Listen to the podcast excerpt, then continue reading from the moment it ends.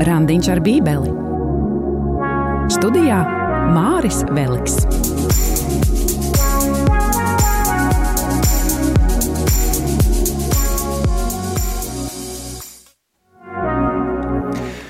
Vai esi jūties kā neveiksminieks, grēcinieks, tāds, kura dzīve nav nekas īpašs? Vai esi jūties, vai varbūt arī pat šobrīd jūties nevērtīgs, nemīlams? Paliec kopā, jo šodienas svēto rakstu studijas palīdzēs mums atmaskot šos un citus sātana melus, kurus viņš kā snaiperis mērķē uz mūsu identitāti, uz to, kas mēs patiesībā esam. Turpinām Mateja evaņģēlijas studijas, un šoreiz aplūkosim Mateja evaņģēlija 4. nodaļu no 1. līdz 11. pantam stāstu par Jēzus kārdināšanu. Tad no jūsu uzmanībai randiņš ar bībeli 9. epizode, vai tu patiešām esi Dieva dēls? Jēzus kārdināšana, bet pirms tam lūksim.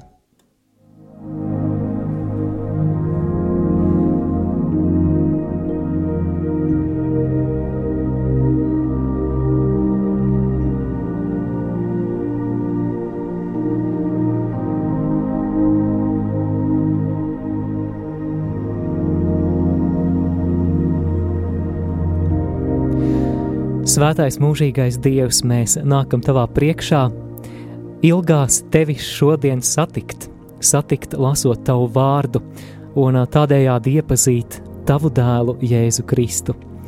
Mēs lūdzam, lai tu izlaiž svēto garu šobrīd bagātīgi pār ikvienu radio klausītāju un pār ikvienu, kas šo raidījumu klausīsies atkārtojumā vai arhīvā. Un es lūdzu, lai tavs svētais gars īpaši ir klātesošs šeit arī radio studijā. To mēs lūdzam Jēzus Kristus vārdā. Tēvs mūsu, kas esi debesīs, svētīts lai top tavs vārds, lai atnāk tava valstība, tavs prāts, lai notiek kā debesīs, tā arī virs zemes. Mūsu dienascho maizi dod mums šodien, un piedod mums mūsu parādus, kā arī mēs piedodam saviem parādniekiem. Un neieved mūsu kārdināšanā, bet atpestī mūs no ļaunā. Āmen! Svētais Matei lūdz par mums!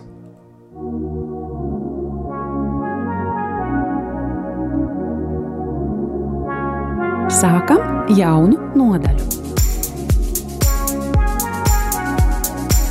Patiešām šoreiz raidījumā mēs sākam jaunu nodaļu.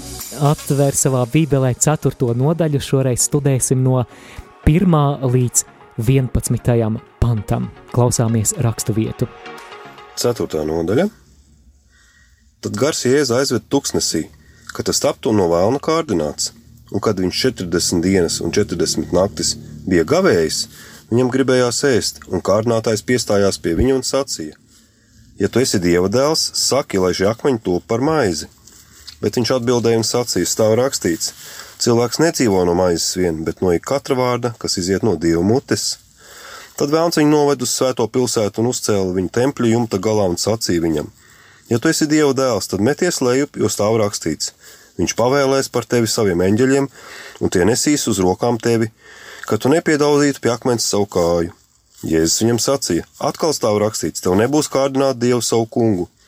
Atkal vēlns viņu ved uz ļoti augstu kalnu un rāda viņam visas pasaules ķēniņu valsts un viņa godību, un saka viņam: To visu es tev došu, ja zemē mēsdamies tu mani pielūgsi. Tad Jēzus viņam saka: Atkāpies, Sātan, jo stāv rakstīts, tev būs dievs un savu kungu pielūgt un vienīgi viņam kalpot. Tad vēlns viņu atstāja un redzi, eņģeļi pie viņa piestājās un viņam kalpoja. Vēlēs labāk iepazīt svētos rakstus, bet nezinu, ar ko sākt? Raidījums Randiņš ar Bībeli ir tava Bībeles studiju iespēja. Dinamiska, mūsdienīga un baznīcai uzticīga. Studē Bībeles grāmatas kopā ar savedēju Māri Vēliku. Sākam studēt Mateja evaņģēlijā 4. nodaļu no 1. līdz 11. pantam stāsts par Jēzus kārdināšanu un vai pievērsāt uzmanību, kurš tad pirmajā pantā aizveda Jēzu tuksnesī, lai viņš tiktu kārdināts. Nē, tas nebija sātans. Es nolasīšu pirmo pantu vēlreiz. Tad gars aizveda Jēzu tuksnesī, ka viņš tiktu vēlna kārdināts. Te ļoti svarīga doma, ka Dievs mēdz pieļaut, ka tiekam kārdināti, patīk mums tas vai nē.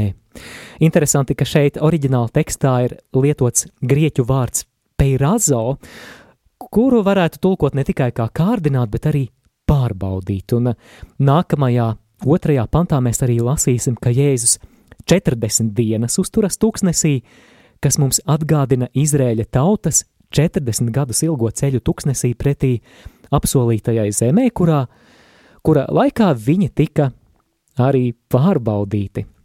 Nolasīšu tev fragment no vecās derības atkārtotā likuma grāmata, jeb 5. mūzes grāmata 8.2.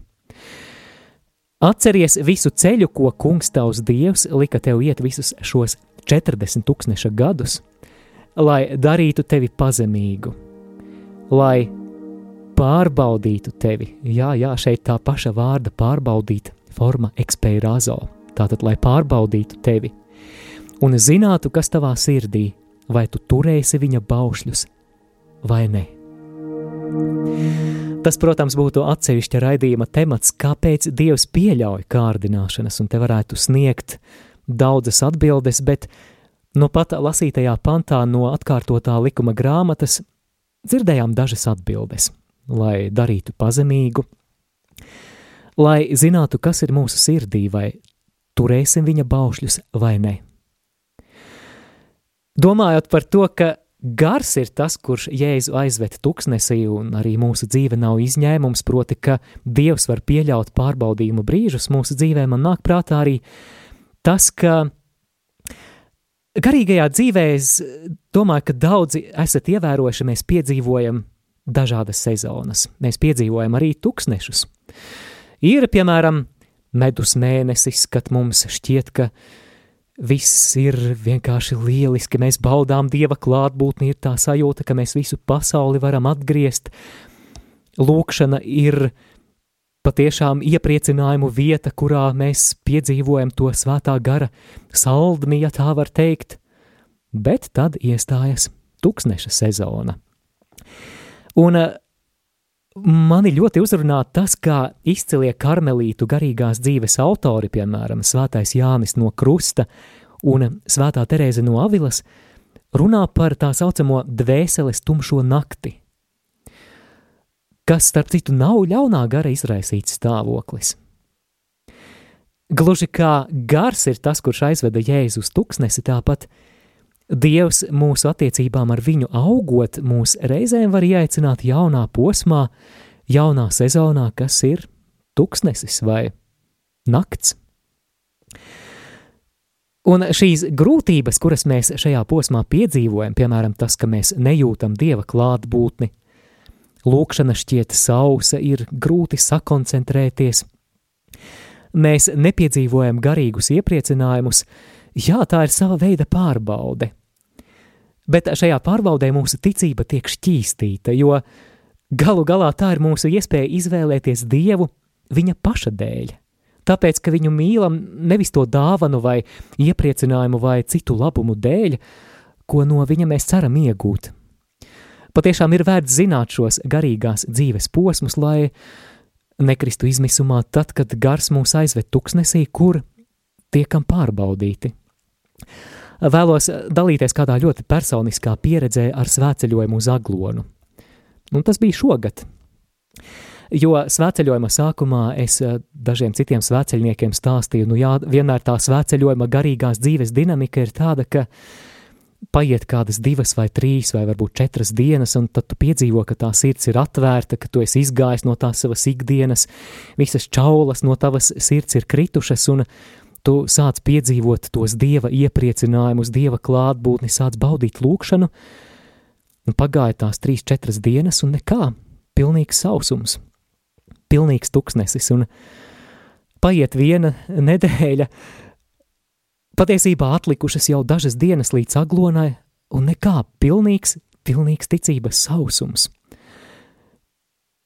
Un tad nu domāju, nu vai Dievs kādai rases pilītei ļaus nokrist no debesīm šajā svētceļojumā, kad es sajutīšu to iepriecinājumu, un nekā, Bet uh, es par to nekritu izmisumā, jo es ar kaut kādām iepriekšējām priekšzināšanām par šīm tūkstneša sezonām vai, vai par šo dvēseles nakties zinu, ka tas ir likumsakarīgs un neizbēgams posms ikviena garīgajā dzīvē, ja vien mēs neapstājamies uz vietas.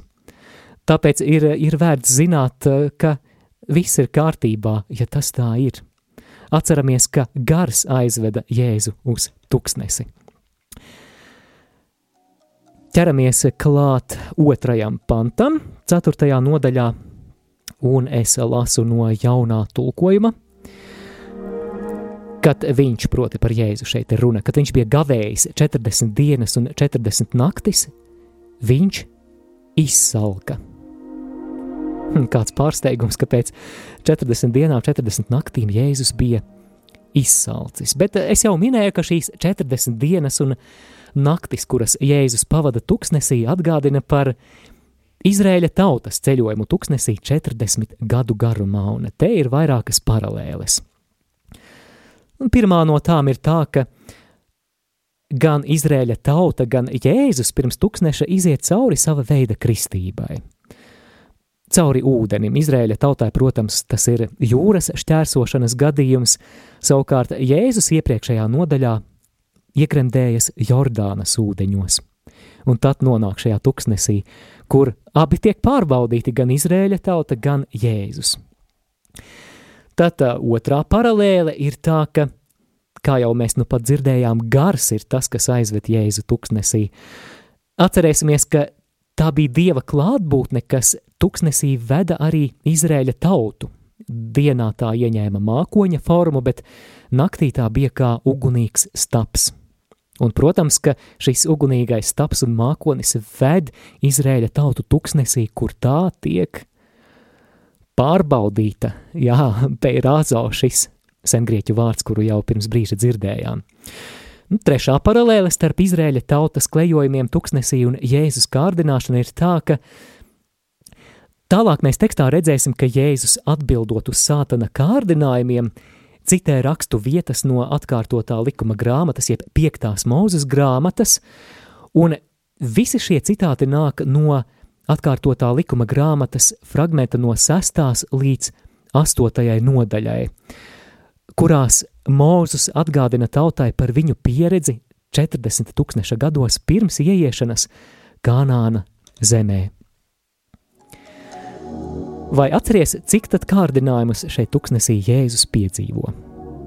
Protams, ka trīs, trīs kārdinājumi, un kas vēl šķiet interesanti, ka šie trīs Jēzus kārdinājumi šeit atbilst trim kārdinājumiem, kurus 40 gadu ceļojumā tuksnesī piedzīvoja arī Izrēļa tauta.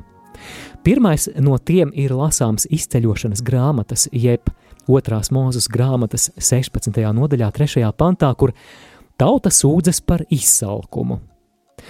Atceramies, ka šodien studējamajā rakstu vietā vēlns tieši kārdinās izsalkušo Jēzu. Cik interesanti, vai ne? Otrais kārdinājums Izraēļa tautai izceļošanas grāmata 17.7, kur tauta pārbauda Dievu.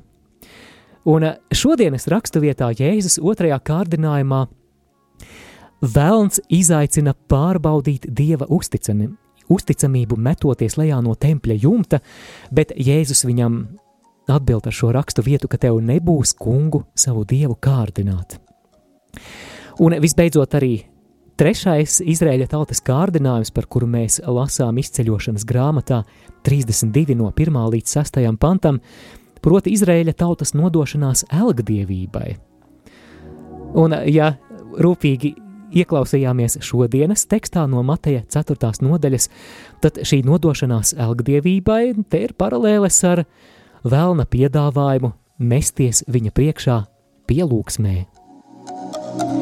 Protams, visbūtiskākā, vis, visbūtiskākā atšķirība starp Izrēļa tautas šiem 40 pārbaudījuma gadiem tuksnesī un Jēzu, kurš šajā brīdī tiek pārbaudīts tuksnesī, ir tas, ka,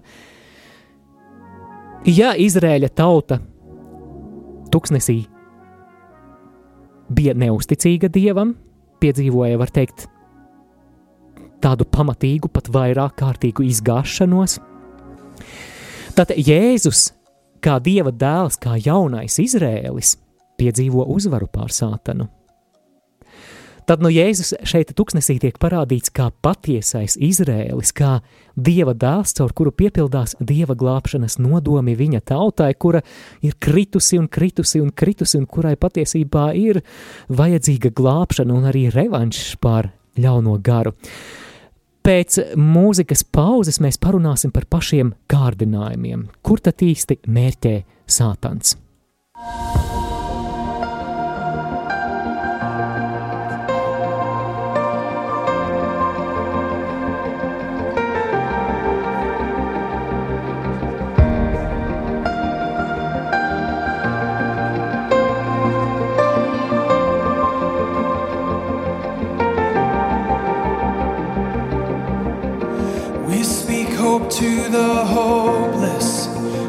freedom to captives.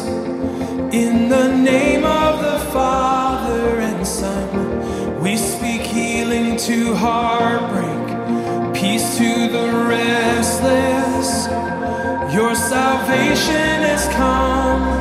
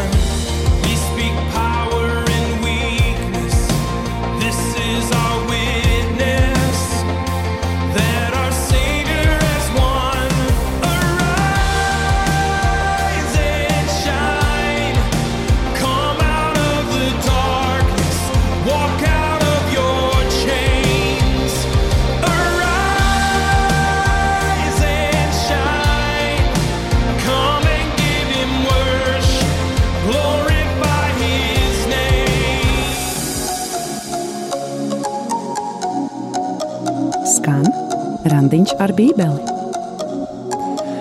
Lasām Mateja 4. nodaļas 3. un 4. pantu. Un kārdinātājs piestājās pie viņa un sacīja: Ja tu esi dieva dēls, saki, lai šie akmeņi top par maizi. Bet viņš atbildēja un sacīja: Stāv rakstīts, cilvēks nedzīvo no maizes vien, bet no katra vārda, kas iziet no dieva mutes. Kārdinātājs piedāvā pārvērst akmeņus par maizi. Ir, protams, šīs raksturvietas skaidrojumi, ka kārdinātājs šeit kārdina ar negausību. Bet vai patiešām ēst maizi ir kaut kas slikts? Protams, ka nē. Citur Jēzus pavairo maizi, protams, viņš tur pārvērš nevis akmeņus par maizi, bet pavairo nelielu daudzumu maizes par daudz maizes.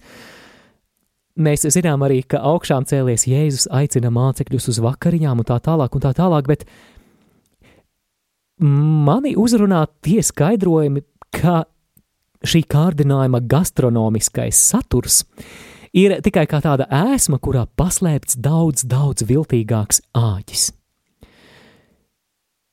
Ja tu esi Dieva dēls, atcerēsimies, ka pirms nedēļas raidījumā mēs runājām par Jēzus kristību Jordānā. Atveras debesis un tēva balss apstiprina Jēzus identitāti, sakot, šis ir mans mīļotais dēls, uz ko man labs prāts. Šis ir mans mīļotais dēls, uz ko man labs prāts, un šeit savukārt mēs dzirdam kādu balsi, kas Jēzum saka: Ja tu esi Dieva dēls, Tātad šī kārdinājuma tā dziļākā būtība varētu būt likt apšaubīt savu identitāti ja tu esi dieva dēls. Varētu pārfrāzēt, vai tiešām tu esi dieva dēls? Nu, ja jau tu esi dieva dēls, tad, tad pierādi pārvēršot šos akmeņus par maizi. Un varbūt gal galā tēvs nemaz nav tik labs.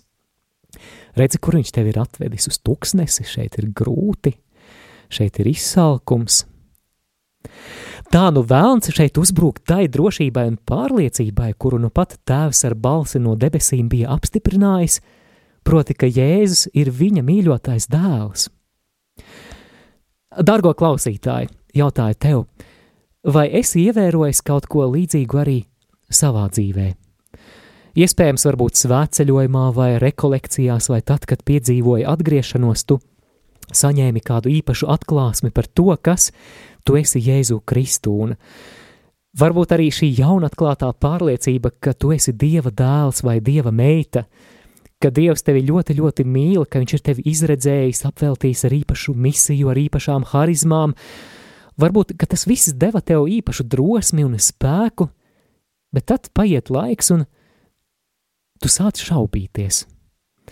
Varbūt tu domā pie sevis, es visu esmu salaidis dēlī, varbūt dievam es galu galā nepatīku, dievs ir vīlies manī, dievam ir kauns par mani, tāpēc man ir attiecīgi kauns no dieva. Vispār kas no manis var labs sanākt? Kāds es vispār esmu Jēzus liecinieks? Manī nav nekā tāda, ko Dievs varētu lietot savam godam un tā tālāk un tā tālāk. Pamatā šeit ir ļoti līdzīgs kārdinājums. Ja tu esi Dieva bērns, vai tiešām tu esi Dieva meita, vai patiešām tu esi Dieva dēls? Ja Dievs vēlas, lai mēs nešaupītos un lai mēs ticētu, ka mēs esam Viņa mīļotie bērni, lai mēs būtu droši šajā Dieva bērna identitātē, tad ļaunais mēģinās izdarīt visu iespējamo, lai šo mūsu drošību izļodzītu, lai sašķieptu.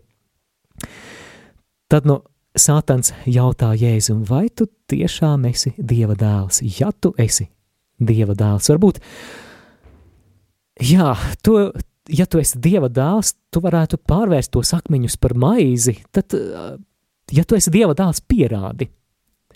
Parādi savas kā Dieva dēla iespējas. Tad no nu šajā kontekstā šī akmeņa pārvēršana par maizi būtu kapitulācija šo šaubu priekšā. Proti, mēģinot paveikt šo brīnumu pēc vēlna uzaicinājuma, pievērsiet uzmanību nevis pēc tēva norādījuma, bet šajā gadījumā pēc kārdinātāja uzaicinājuma. Jēzus būtu centies viņam un iespējams arī sev pašam pierādīt, ka viņš tomēr ir Dieva dēls. Interesanti arī tā no psiholoģijas viedokļa, ka, kā arī mūsu dzīvē, reizēm tas, ka mēs aizstāvamies, ka mēs ieņemam tādas aizstāvības pozīcijas, patiesībā parāda mūsu iekšējo nedrošību par kaut ko. Tāpēc mums ir jāaizstāvās. Un tomēr mēs redzam, ka Jēzus ir ļoti stiprs savā dieva dēla identitātē. Viņš, ir, viņš nešaubās, viņš nu pat ir saņēmis šo atziņu, šo atklāsmi, šo, šo apzīmogojumu, šo apstiprinājumu no atvērtām debesīm, kur tēva balss skanēja: Tu esi mans mīļais dēls, kas man ļoti patīk.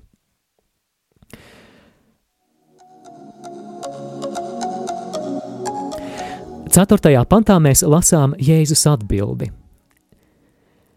Bet Jēzus atbildēja, ir rakstīts, cilvēks nedzīvo no maizes vien, bet no ikviena vārda, kas nāk no Dieva mutes. Proti, ir svarīgākas lietas dzīvē nekā materiālais nodrošinājums. Jā, šeit arī atgādināšu, ka šajā pantā Jēzus eh, citē fragmentu no atkārtotā likuma grāmatas, 8. nodaļas, 3. pantu. Un eh, konteksts vai tā doma šeit ir tāda, ka ir svarīgākas lietas dzīvē nekā materiālais nodrošinājums. Protams, protams, ka Dieva vārds nespēja piepildīt mūsu vēderu. Protams, ka Jēzus ir nemazāk izsalcis šajā brīdī. Taču runa šeit ir par prioritātēm. Jā, pienāks īstais brīdis un varēs droši ēst maizi, bet šobrīd, šajā brīdī, kad tēvs viņu ir aicinājis būt tuksnesī, paklausība dievam ir svarīgāka par savu vajadzību apmierināšanu, pat ja tās ir tik elementāras pamatvajadzības kā ēdiens. Tad nu šajā brīdī gavēnis un atturēšanās ir dieva griba jēzum, un, un tas ir daudz svarīgāk par iespēju remdēt izsalkumu. Jēzus šajā brīdī varētu teikt, ka jā, es varētu to izdarīt, bet tas, kas šobrīd ir svarīgāks, ir palikt uzticīgam tēvam, kurš ir atvedis mani uz šo pārbaudījumu vietu un laiku.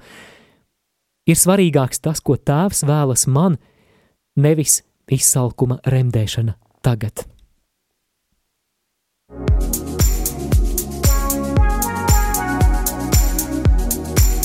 Skan Randiņš ar Bībeli.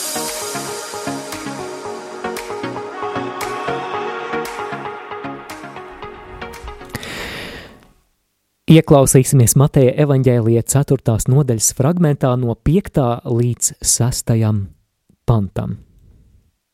Tad vēlams viņu noved uz svēto pilsētu un uzcēla viņu tempļa jumta galā un sacīja viņam: Ja tu esi Dieva dēls, tad meties lejup, jo stāv rakstīts: Viņš pavēlēs par tevi saviem eņģeļiem, un tie nesīs uz rokām tevi, ka tu nepiedaudzītu pie akmens savu kāju. Jā, šeit ir vēl viens kārdinājums, kurā Sātans izaicina Jēzus identitāti. Atkal mēs dzirdējām šo, ja tu esi Dieva dēls. Vai ievērojāt, ka Sātans šeit pielāgojas Jēzum. Proti, Jēzus atvairīja pirmo uzbrukumu ar svēto rakstu citātu. Un tagad vēlns kārdinot Jēzu arī citē svētos rakstus, arī izrādās ir tāds bībeles ekspertiņš. Viņš citē fragmentu no 91. psalma, bet atšķirība ir tā, ka vēlns šo dieva vārdu lieto atžgārnā veidā, proti ne tā, kā dievs to ir paredzējis, lai tos lietojam. Ja mēs lasām svētos rakstus, tad tas būtu jādara, lai meklētu un saprastu dieva gribu un nodomus. Un šis 91. psalma vēstījums ir tāds kā aicinājums uzticēties dieva rūpēm un aizsardzībai pār cilvēku. Tad nu šeit vēlns, ja tā var teikt, dekonstruē šo vārda nozīmi un piedāvā Jēzum pamatojoties uz šo fragmentu izaicināt Dievu ļoti, ļoti burtiski pārbaudīt, vai krītot no tempļa jumta kores, eņģeļi atsteigsies ar kādu matraci un paliks to apakšā un Jēzu izglābs. Ja tu esi Dieva dēls, tad pārbaudi, cik viņš ir uzticams. Man šeit nāk prātā kāds piemērs, par kuru savulaik kaut kur biju lasījis. Mēs zinām, ka Marka evaņģēlijas 16. nodaļā, kurā ir šis, šī lielā Jēzus pavēle, jeb misija, iet un sludināt evaņģēliju visām tautām, ir rakstīts, ka šo evanģelizāciju pavadīs arī zīmes un brīnumi. Un viena no šīm zīmēm ir tā, ka viņi ņems rokā čūskas un tās tiem nekaitēs. Apustuļu darbu grāmatā mēs lasām par kādu epizodi apustuļa Pāvila dzīvē, kur šis vārds piepildās, proti viņš ceļojumā uz Romu, ņemot rokās ugunskura malku nejauši pieskaras čūskai, kura viņam iedzeļ, viņš šo čūsku vienkārši nokrata, un visi apkārtējie ir pārsteigti, ka čūska Pāvilam nekaitēja. Lūk, šeit viss ir kārtībā, šeit, ir, šeit piepildās šis minētais apsolījums Marka evaņģēlija 16. nodaļā. Bet, eh, kas ir interesanti, ir atsevišķi reliģiskie kulti ASV, pārsvarā apalaču kalnos, kuras šo apsolījumu par čūsku ņemšanu rokās ir paņēmušas kā burtisku rituālu, uh, ko sauc par čūsku turēšanu vai čūsku padošanu. Proti viņi dievkalpojuma laikā patiešām padot viens otram indīgas čūskas. Tādējādi it kā apliecinot savu uzticību Dieva vārdam, Dieva apsolījumiem, un, nu, protams, ka, protams, ka tā ir tāda balansēšana uz naža asmens, jo šīs indīgās čūskas var pakļaut šos ļaudis reālam riskam, jā, ideja it kā laba nodemonstrēt, ka Dievs ir uzticams, bet, manuprāt, šāda interpretācija sāk atgādināt šo vēlna interpretāciju 91. psalmam šajā šīs dienas studējamajā svēto rakstu fragmentā, proti par burtisku mešanos lejā no augstas vietas, lai eņģeļi saķer. Manuprāt, tas ir kaut kas līdzīgs, it kā mēs tagad uh, aizietu sev ar šalli acis, sēstos pie stūres un apgalvotu, ka Dievs ir uzticams un viņš pasargās. Lūk, šādā nozīmē mēs varam runāt par Dieva pārbaudīšanu un izaicināšanu. Jēzus uz šo sātana otro kārdinājumu atbild ar citu rakstu vietu, un to mēs lasām Mateja 4. nodaļā, 7. pantā. Jēzus viņam sacīja: Atkal stāv rakstīts, tev nebūs kārdināt Dievu savu kungu.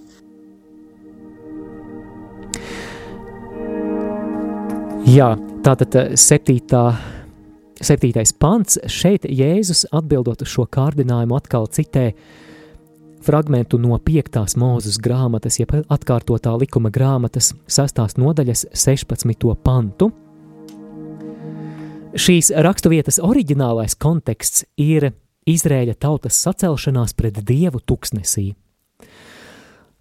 Atcerēsimies, ka masā tauta bija nogurusi un eh, pieprasīja, lai Dievs sniedz kaut kādu pierādījumu viņa klātbūtnē tautas vidū. Mēs par to lasām izceļošanas grāmatā 17. nodaļā no 1. līdz 7. pantam. Un kāpēc jūs strīdaties ar mani? Kāpēc jūs pārbaudāt kungu, teica Mūzus šajā brīdī, kad tautai nebija, nebija ūdens, ko dzert. Tauta tuksnesī neusticas dievam, Taču Jēzus tāda skaidrā, pārliecinošā atbilde sātanam parāda viņa nelokāmo uzticēšanos debesu tēvam. Viņš ir arī neš, nešaubīgs un stiprs savā identitātē. Viņš zina, ka viņš ir Dieva dēls. Viņam nav jāpierāda nec sev, nec vēl jau vairāk nec ļaunajam garam, ka, ka viņš ir Dieva dēls. Un viņam arī nav jāpierāda tēva uzticamība. Pēc mūzikas pauzes atgriezīsimies, lai turpinātu studēt Mateja evaņģēlija 4. nodaļu.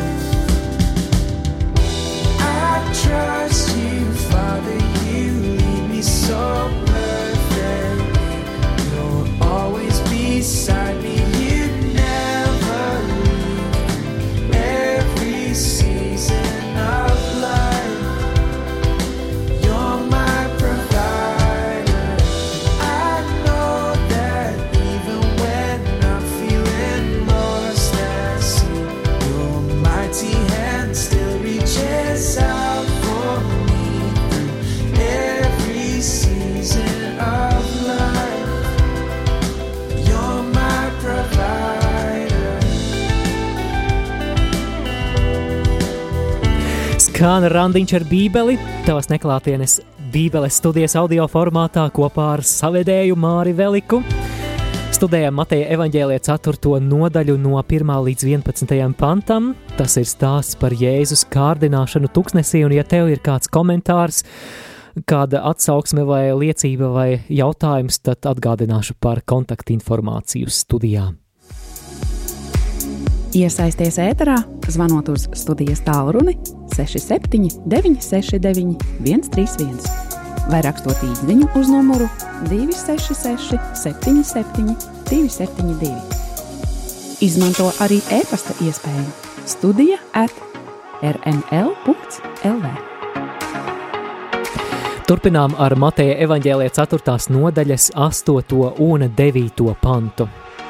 Atkal vēlns viņu ved uz ļoti augstu kalnu un rāda viņam visas pasaules ķēniņu valsts un viņa godību, un saka viņam, To visu es tev došu, ja zemē mēsdamies, tu mani pielūgsi. Vispirms, acīm redzot, šeit Sātans piedāvā kādu pārdabisku vīziju, jo, protams, ka nav tāda geogrāfiska kalna, no kura varētu redzēt visas pasaules valstis un to godību. Bet pievērsiet uzmanību, ka šeit pieaug kārdinājuma mērogs, jeb sfēra. Jo, ja pirmajā kārdinājumā, ja tā varētu teikt, tiek piedāvātas bulciņas, Tad eh, šeit runa ir par kaut ko daudz grandiozāku. Tiek piedāvātas visas pasaules valstis un to godība. Ir vecās derības rakstu vietas, kas runā par mesijas universālo valdīšanu, piemēram, otrais psalms, astotais pants, nolasīšu. Tātad otrais psalms, astotais pants, es tev došu tautas par mantojumu. Vai Daniela grāmata septītā nodaļa no 13. līdz 14. pantam. Redzi, debesu mākoņos it kā cilvēka dēls. Viņš pienāca pie sirmgalvja un nostājās tā priekšā. Viņam deva varu, valstību un godu. Visi ļaudis, ciltis un tautas slavēja viņu. Netieši arī šis ir identitātes kārdinājums. Mēs zinām, ka Jēzum pienākas būt par kungu, kungu un ķēniņu ķēniņu. Esmu pārliecināts, ka to labi zināja arī pats Jēzus, bet šeit vēlams Jēzum piedāvā tādu īsceļu, jeb ātrāku un vieglāku variantu, kā tikt pie šīs valdīšanas. Un uh, tas ir kaut kas vieglāks nekā Jēzus ciešanu ceļš, kas Jēzum būs jānoiet. Tātad varētu pārfrāzēt šo kārdinājumu – saņem to, kas tev ir paredzēts, bet bez krusta. Tas atgādina Jēzus ciešanu ainu, ko mēs vēlāk lasīsim Mateja evaņģēlija 27. nodaļā, kur mēs atkal dzirdam līdzīgu kārdinājumu no garām gājēju puses. Ja viņš ir Izrēļa ķēniņš, lai tad nokāp no krusta, viņš taču teica, ka ir Dieva dēls. Jā, kaut kur šeit starp rindiņām arī lasāms šis vai tiešām tu esi Dieva dēls? Tātad arī šeit, šajā kārdinājumā, īpašais superpiedāvājums, superizdevīga akcija - saņem to, kas tev pienākas, un turklāt bez krusta. Viss, kas ir jāizdara, nomesties pie lūksmē, Dieva galvenā ienaidnieka priekšā. Es domāju, ka kādiem no jums varētu būt jautājums, Kāpēc Sātans ir tas, kurš piedāvā valstu godību? Vai, vai te viņš blefo, vai viņam vispār ir kāds pamats kaut ko tādu piedāvāt? Un te interesanti, ka vairāk kārt jaunajā derībā vēlns ir aprakstīts kā šīs pasaules valdnieks. Varat, ja gadījumā kāds no jums konspektē, pierakstīt šīs rakstu vietas, lai vēlāk tās pārbaudītu. Jāņa 12, 31, Jāņa 14, 30, 2. korintiešiem 4, 4, Efeziešiem 6. nodaļa no 11. un 12. no 11. līdz 12. pantam, un vēl ir arī citas rakstu vietas, kur mēs lasām par vēlnu kā šīs pasaules valdnieku. Ar to ir pateikts, ka ļaunajam garam šajā laikmetā ir reāls spēks un, spēks un ietekme. Protams, ka viņš ir dieva uzvarēts, Jēzus caur savu nāvi un augšām celšanos ir pasludinājis nemaināmu un negrozāmu uzvaru pār sātanu. Viņš ir lielākais zaudētājs visumā, un es vēlos to tagad te mikrofonā skaļi pasludināt visur, kur skan radio Marija, un um, visur, kur šis raidījums arī izskanēs arhīvā, ka Sātans ir vislielākais zaudētājs visumā, bet pagaidām viņš vēl plosās šajā pasaulē, vēl kādu laiku saglabājot savu ietekmi. Desmitajā pantā mēs lasām Jēzus atbildi uz šo sātana kārdinājumu.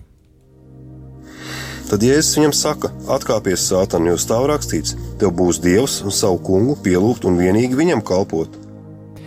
Jēzus šeit citē atkal atkārtotā likuma grāmatas, jeb 5. mūzes grāmatas 6. nodaļas 13. pantu, kas ir daļa no jūdu lūkšanas Šema Izrēla, jeb klausies Izrēla.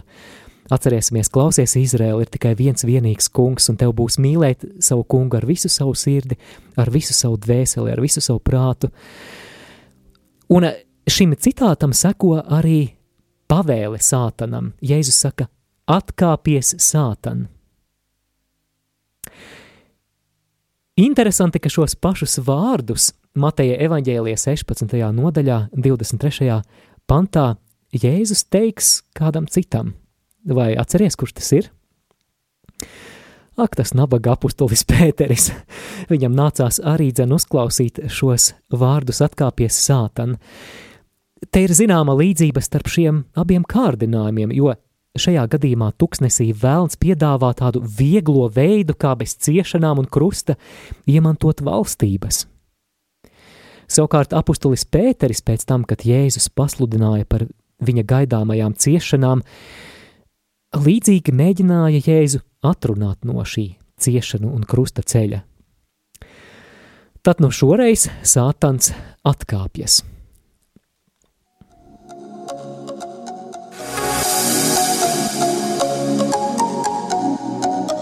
Skan randiņš ar bībeli. Pievēršamies 4. nodaļas 11. pantam. Tad vēlns viņu atstāja un redzi, eņģeļi nāca un viņam kalpoja. Lai arī Jēzus ir uzvarētājs, viņš ir izsalcis, protams, viņš ir nomocīts, noguris, galu galā 40 dienas ir aizvadītas tuksnesī, galu galā ir izcīnīta arī smaga cīņa ar dieva galveno arhi ienaidnieku, sātanu, un te ir rakstīts, ka eņģeļi viņam kalpoja. Bībeles komentātori kurus man ir gadījies tagad lasīt, gatavojoties šai epizodei, uzskata, ka eņģeļi viņam pienesa pārtiku.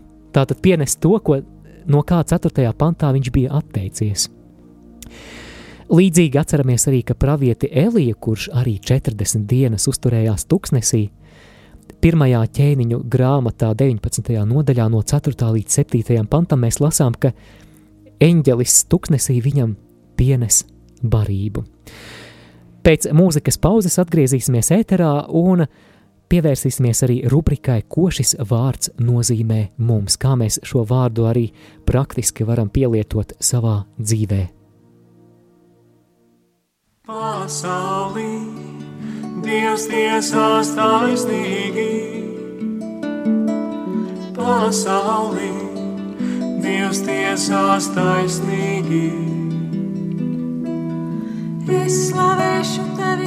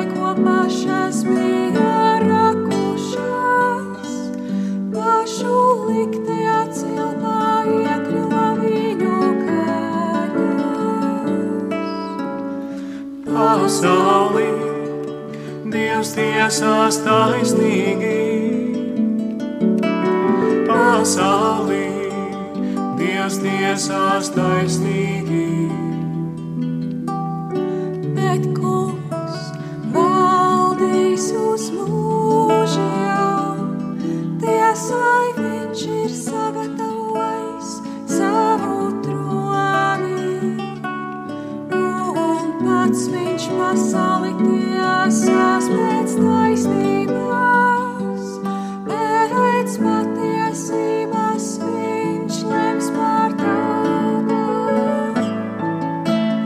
Pasaulī, Dievs tiesās taisnīgi.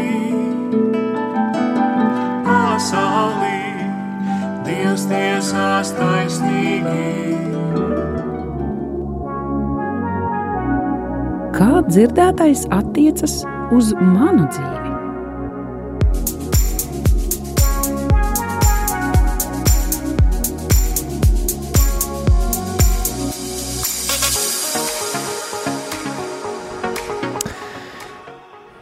Ja tu patiešām esi Dieva dēls, man šķiet, ka šo kārdinājumu dažādās izpausmēs piedzīvojam arī mēs brīžos, kad mēs sākam šaubīties par to, kas mēs esam, par to, kāda ir mūsu identitāte un par to, kas mēs esam Dievam.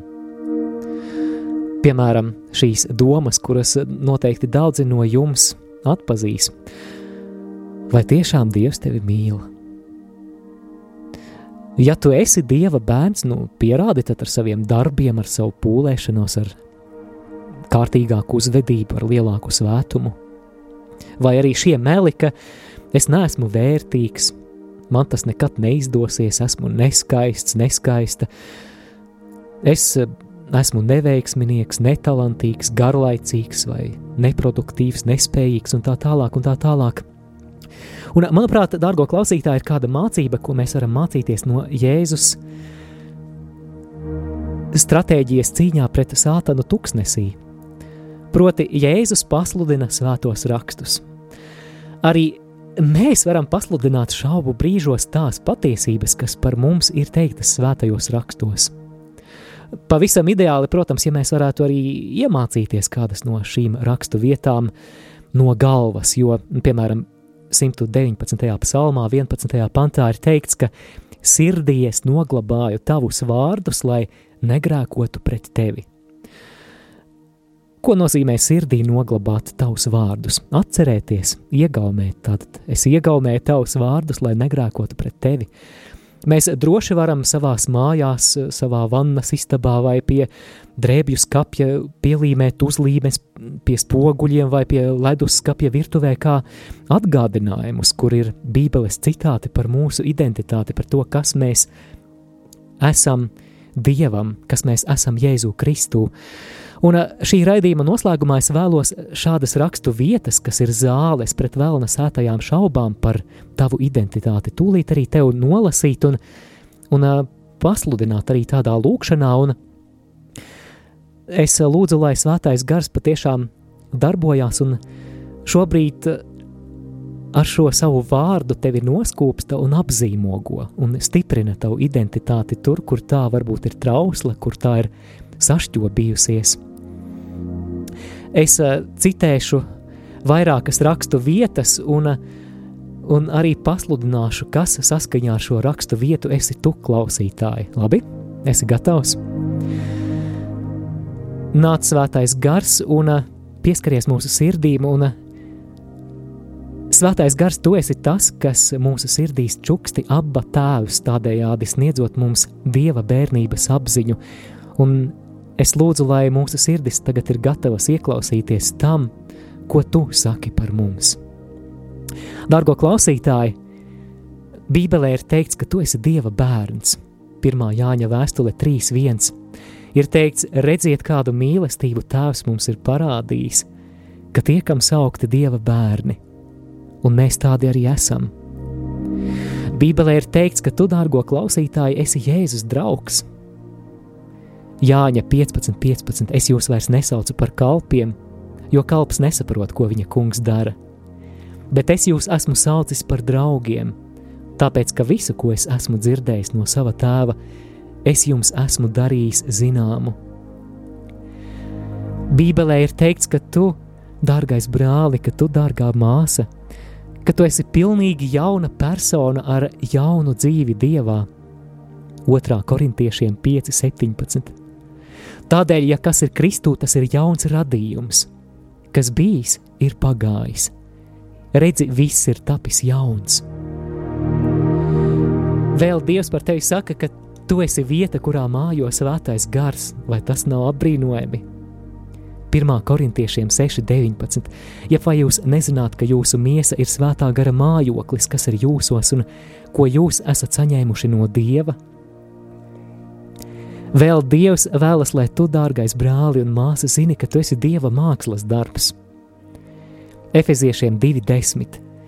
Jo mēs esam viņa darbs, Kristu Jēzu radīti labiem darbiem, kurus Dievs iepriekš sagatavojis, lai mēs tajos dzīvotu. Zini, ka Dievs tev ir vienmēr gatavs piedot, pat ja tev šķiet, ka tu visu esi salaidis dēlī. 1. Jāņa 1,9. Ja atzīstamies savos grēkos, tad Viņš ir uzticīgs un taisns, ka Viņš mums piedod grēkus un šķīsta mūs no visas netaisnības. Dievs vēlas tev pateikt, ka tu esi radīts pēc dieva līdzības. Efeziešiem 4, 24. Jāapģērb jaunais cilvēks, kas radīts pēc dieva, patiesā taisnībā un svētumā. Dievs vēlas, lai, zini, lai tu zini, ka tu esi garīgi dzīvs. Efesiešiem 2, no 4. līdz 5. pantam. Bet Dievs bagāts būdams žēlastībā, savā lielajā mīlestībā, ar ko viņš mūs ir mīlējis. Arī mūs, kas savos pārkāpumos bijām miruši, darīs dzīvus līdz ar Kristu. Žēlastībā jūs esat izglābti. Dievs tev saka, ka tu esi debesu valstības pilsonis. Filipiešiem 3:20. Mūsu piederība ir debesīs, no kurienes mēs arī gaidām pestītāju kungu Jēzu Kristu. Dievs tev saka, ka tu esi Dieva vēstnesis šai pasaulē. Apustuļu darbi 1,8. Bet jūs dabūsiet spēku, kad svētais gars būs nācis pār jums, un būsiet mani liecinieki kā Jeruzalemē, tā visā Jūdejā un Samarijā, un līdz pašam pasaules galam. Dievs tev saka, ka tu esi zemes sāls. Jūs esat zemes sāls, Dievs saka, ka tu esi pasaules gaisma. Mateja 5,14. Jūs esat pasaules gaišums. Pilsēta, kas stāv kalnā, nevar būt apslēpta. Dievs tev saka, ka tu, dārgo klausītāj, esi ļoti mīlēts. Romiešiem 5,8. Bet Dievs savu mīlestību uz mums pierāda ar to, ka Kristus par mums miris, kad mēs vēl bijām grēcinieki. Un vēl Dievs vēlas, lai tu zini, ka tu esi iekļauts Dieva ģimenē. Efeziešiem 1,5. Pēc savas gribas labā nodoma viņš jau iepriekš nolēmis, ka mums būt viņa bērniem būt caur Jēzu Kristu.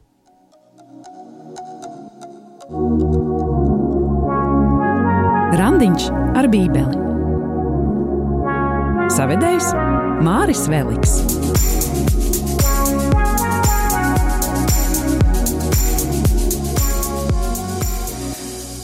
Dārgo klausītāji, ar to arī noslēdzam Randiņš ar Bībeli 9. epizodi. Un es priecāšos, ja tu dalīsies savās atsauksmēs, kas man palīdzēs arī šo raidījumu gatavot labāk un klausāmāk. Jo es patiešām vēlos, lai šis raidījums būtu labs instruments tavās rokās, labākai Bībeles pazīšanai. Tāpēc droši jebkurā laikā vari rakstīt e-pastu uz randiņš ar bībeli at gmail.com. Savukārt, ja tu klausies šo raidījumu arhīvā, tad droši dalies, droši, ja, ja tevi uzrunā kaut kas, ja atzīsti to par vērtīgu arī citiem klausītājiem, tad droši arī padot tālāk sociālajos tīklos. Arī, ja esi Instagram lietotājs, tad arī ielaiko randiņš ar bībeli lapu Instagramā, tad arī saņemsi atgādinājumus par šo raidījumu un arī kādus atgādinājumus par saviem privātajiem randiņiem ikdienā, jo, kā vienmēr es mēdzu to sacīt, arī tagad atkārtošu, ka raidījums randiņš ar bībeli neaizstāja tavu privātu randiņu ar bībeli gluži kā uztura bagātinātājs neaizstāja pilnvērtīgu un sabalansētu uzturu. Esi svētīts, lai Dievs tevi svētī, lai visiem brīnišķīgs laiks, kurā dzīvojam. Studijā biju es, Māris Veliks, lai ir slavēts Jēzus Kristus.